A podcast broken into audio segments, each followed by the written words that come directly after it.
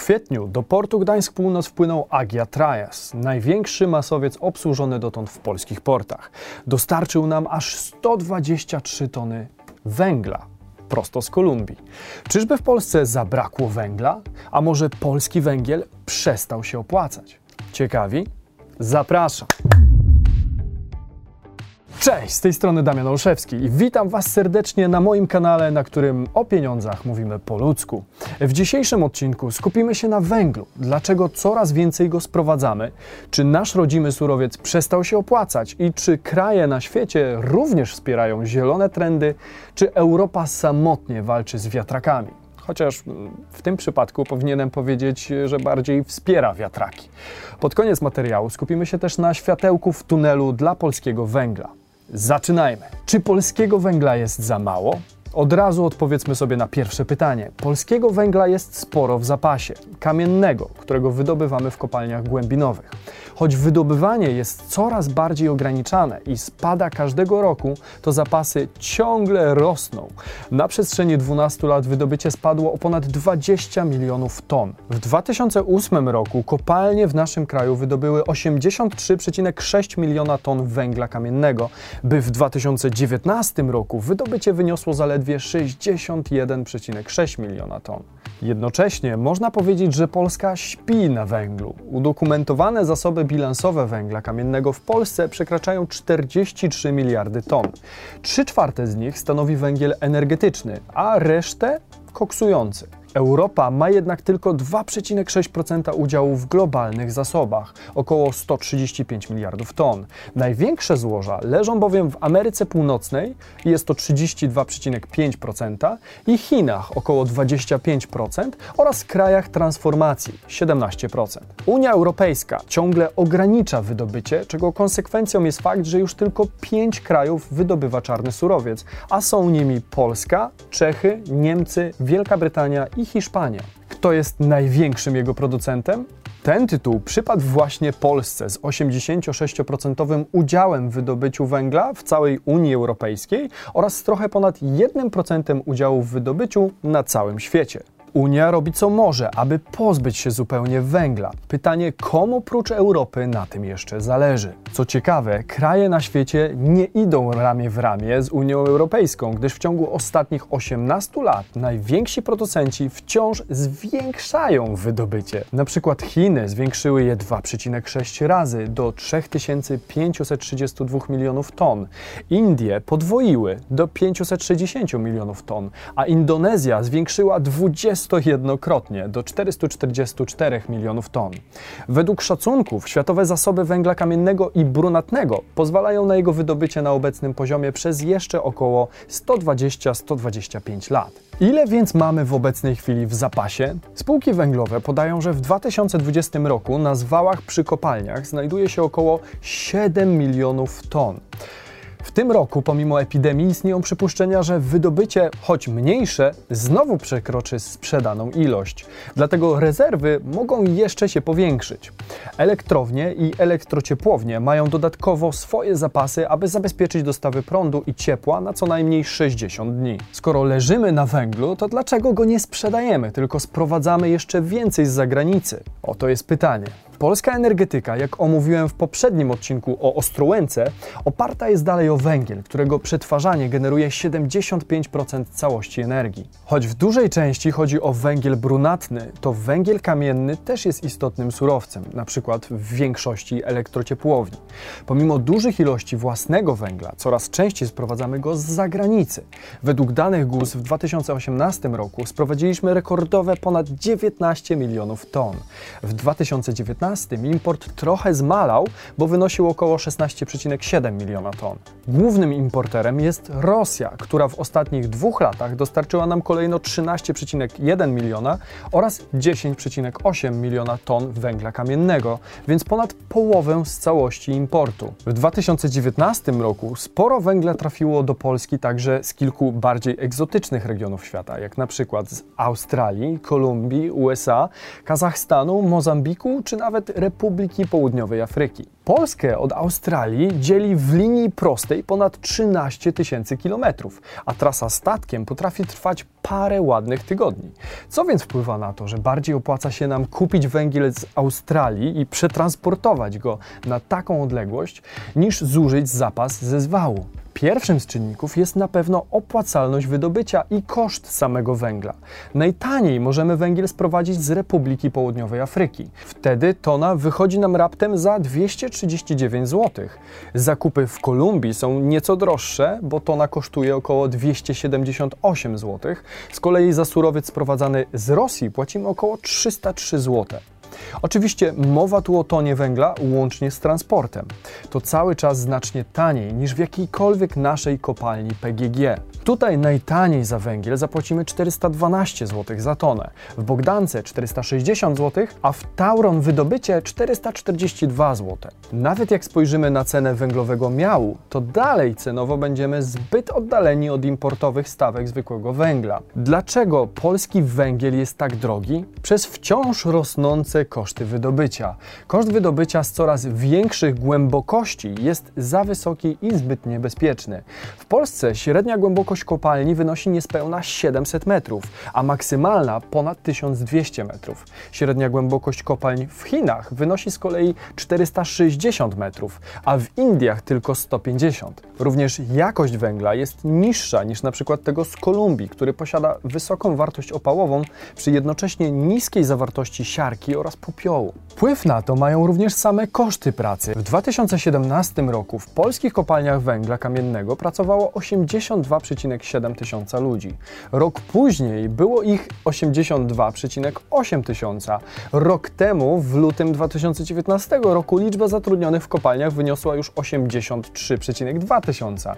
Najwięcej w Unii Europejskiej. W efekcie tylko w latach 2017-2019 PGG miało przeznaczyć na wynagrodzenia i świadczenia pracownicze 1 miliard 95 milionów powyżej wydatków planowanych przy tworzeniu tej górniczej spółki. A przypomnijmy, że jednocześnie wydobycie i skala sprzedaży węgla co roku spada. Polskiemu górnictwu ciążą też podatki zwiększające koszt wydobycia każdej tony węgla. Jak wylicza Górnicza Izba Przemysłowo-Handlowa, na wszystkie podatki i składki branża wydaje nawet 65% swoich całkowitych kosztów. Chodzi o ubezpieczenie społeczne, zdrowotne, podatki od osób fizycznych, fundusz pracy, fundusz gwarantowanych świadczeń pracowniczych, fundusz emerytur pomostowych i PFRON. Do tego dochodzi jeszcze podatek dochodowy od osób prawnych, VAT, akcyza oraz opłaty i kary na rzecz funduszy ochrony środowiska i gospodarki wodnej i na rzecz gmin. Jak się to wszystko podliczy, to wychodzi całkiem spora kwota, która znacznie podwyższa koszt wydobycia każdej tony. Polskie grupy energetyczne, które są głównymi kupcami węgla z kopalń, przez coraz bardziej restrykcyjne normy klimatyczne narzucane przez Unię Europejską, kupują go mniej niż powinny według założeń. Tauron rozpoczął renegocjację umowy na zakup węgla z PGG, a Enea w ogóle wycofała się z zamówień. Pozostała jedynie PGE, która kupuje surowiec, ponieważ jest udziałowcem węglowej spółki. Przez koronawirusa i zmniejszone zapotrzebowanie na energię oraz rozwój fotowoltaiki i nowych technologii, przyszłość PGG wielu obserwatorów określa na nie więcej niż kilka lat. Jednak sama energia pozyskana z OZE też nie jest doskonała. Produkcja energii z węgla oraz atomu wychodzi w dalszym ciągu najtaniej, a koszt produkcji 1 MWh z węgla to 75 jednostek uśrednionego kosztu energii elektrycznej. Natomiast fotowoltaika to nadal koszt między 100 a 122 jednostki. Lepiej w tej kategorii pozycjonują się elektrownie wiatrowe, które przy niskiej stopie dyskonta mogą być nawet bardziej opłacalne. Dla dostawców OZE rząd ustala na aukcjach stawki referencyjne oraz opłaca różnicę w cenie pomiędzy kwotą sprzedaży energii a kupna jej przez elektrownię. Czemu tak się dzieje? Polska jako członek Unii Europejskiej musi zapewnić pewien poziom OZE w swoim portfelu energetycznym. Do 2022 roku jest to 18%, a do 2030 mamy zapewnić już 35% z tego typu źródeł. Problemem OZE są również tak zwane blackouty, czyli nagłe zapotrzebowanie na energię, której mogą nie być w stanie zaspokoić. Przykładem może być zmiana warunków pogodowych, np. temperatura 35 stopni, gdzie wszyscy odpalają nagle klimatyzację. Mamy nagły skok zapotrzebowania na energię, gdzie OZE w postaci wiatru czy słońca jest zależne od czynników zewnętrznych i jest ryzyko, że tego skoku mogłyby nie pokryć w szybkim czasie. Plusem takiej energii jest głównie koszt, który jest raczej stały, bo jest nim budowa i obsługa, a koszty zmienne są niskie. Dodatkowo wraz z rozwojem OZE ceny komponentów będą maleć z uwagi na większą ilość wytwórców i postęp technologiczny w tym zakresie. Jakie są kary za przetwarzanie węgla? Prognozuje się, że ceny uprawnień do emisji gazów cieplarnianych z roku na rok będą rosły i już teraz czasem sięgają 30 euro, ale raczej są w okolicy 25-27 euro. Spekuluje się, że w zależności od postanowień Komisji Europejskiej i narzuconych redukcji, kwota może urosnąć nawet do 52 euro w 2030 roku. Dlatego elektrownie i elektrociepłownie starają się zaopatrzyć w jak najtańszy węgiel albo ten jak najmniej emisyjny, aby dalsza produkcja mogła być w ogóle opłacalna. Według Polskiej Agencji Rozwoju Przedsiębiorczości ze spalaniem jednej tony węgla wiąże się emisja 2,86 tony CO2, ale już spalanie 1 metra sześciennego gazu ziemnego to tylko 1,96 kg CO2 wypuszczonego do atmosfery. Aby lepiej to zobrazować, posłuszmy się ilością emisji, jaką uzyskamy przy wytworzeniu 1 MWh. Dla elektrowni węglowej będzie to wiązało się z emisją około 850 kg CO2. Dla elektrowni opalanej olejem to już 590 kg, a dla gazowej jedynie 185 kg CO2. Konsekwencji przy użyciu odpowiedniej technologii gaz jest ponad czterokrotnie mniej emisyjny niż węgiel dla wytworzenia takiej samej jednostki mocy. Pytanie, gdzie zatem znajdujemy się w rankingu wytwarzających CO2? Polska w zestawieniu na 2019 rok znalazła się na trzecim miejscu w emisji gazów cieplarnianych z paliw kopalnych w Unii Europejskiej. Więcej produkują jedynie Niemcy oraz Włosi. Cała Unia emituje około 10% światowego CO2 i jest na trzecim miejscu po Chinach, które produkują 27% i USA 15-16%.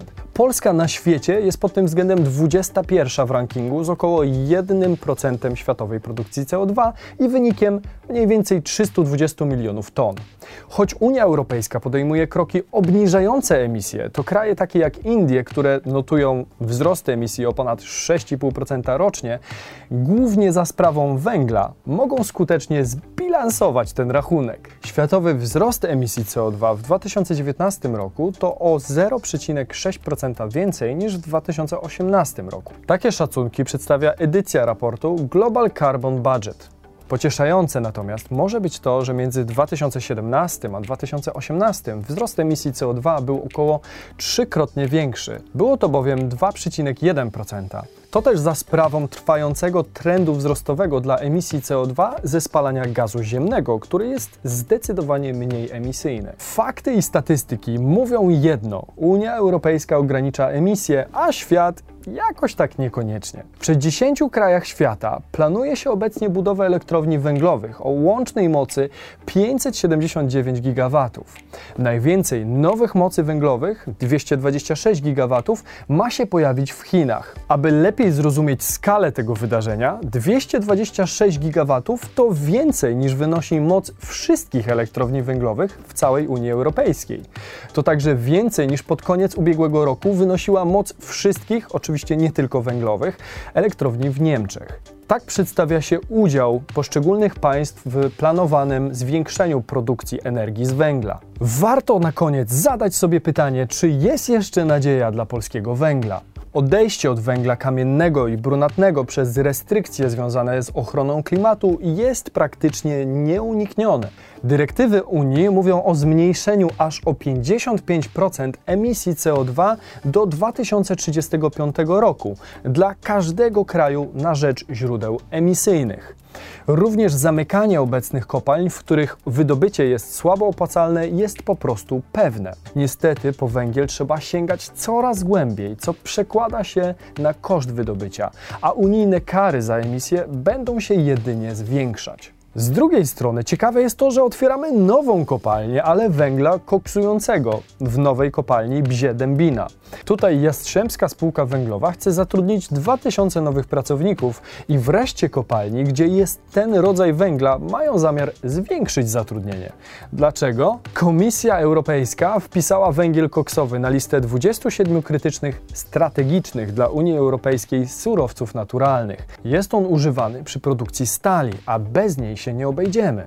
Jej produkcja to w Unii Europejskiej bardzo duża branża zatrudniająca setki tysięcy osób. Problem polega jednak na tym, że w krajach Unii Europejskiej złoża węgla kamiennego, w tym koksowego, są poza Polską już na wyczerpaniu. Unijne huty stali zużywają rocznie 37 milionów ton koksu, do którego wyprodukowania potrzeba 53 milionów ton węgla koksowego. Tylko 17 milionów ton pochodzi z krajów Unii Europejskiej, w tym aż 11,6 miliona ton właśnie z Polski. Czy oto pojawiło się właśnie światełko w tunelu dla polskiego węgla? Czas pokaże. Czas, którego sporo poświęciłem na tak głęboką analizę tematu, którą możecie docenić klikając subskrypcję tutaj i zostając na dłużej. Widzimy się w niedzielę o 12. Cześć!